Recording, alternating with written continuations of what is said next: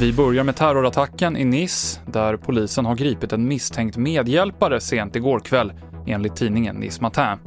Det är en 47-årig man som misstänks ha haft kontakt med den misstänkte gärningsmannen dagen före attacken.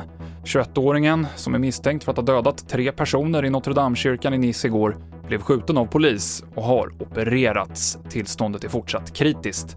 Och mer om det senaste, om läget i Frankrike, finns på TV4 Play med vår utsände i Nice. Och efter terrordådet så ökar polisen i Sverige bevakningen av franska intressen i Stockholm. Man går inte in exakt på vilka platser det handlar om. Enligt uppgift till Aftonbladet är det bland annat den franska ambassaden på Östermalm.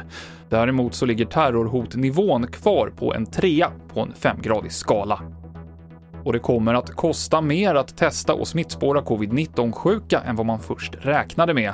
Nu så skjuter regeringen till 3 miljarder så att pengarna ska räcka året ut. Det här innebär att man tar 9,8 miljarder i år ur statskassan för att testa och smittspåra. Och det här var TV4-nyheterna med Mikael Klintevall.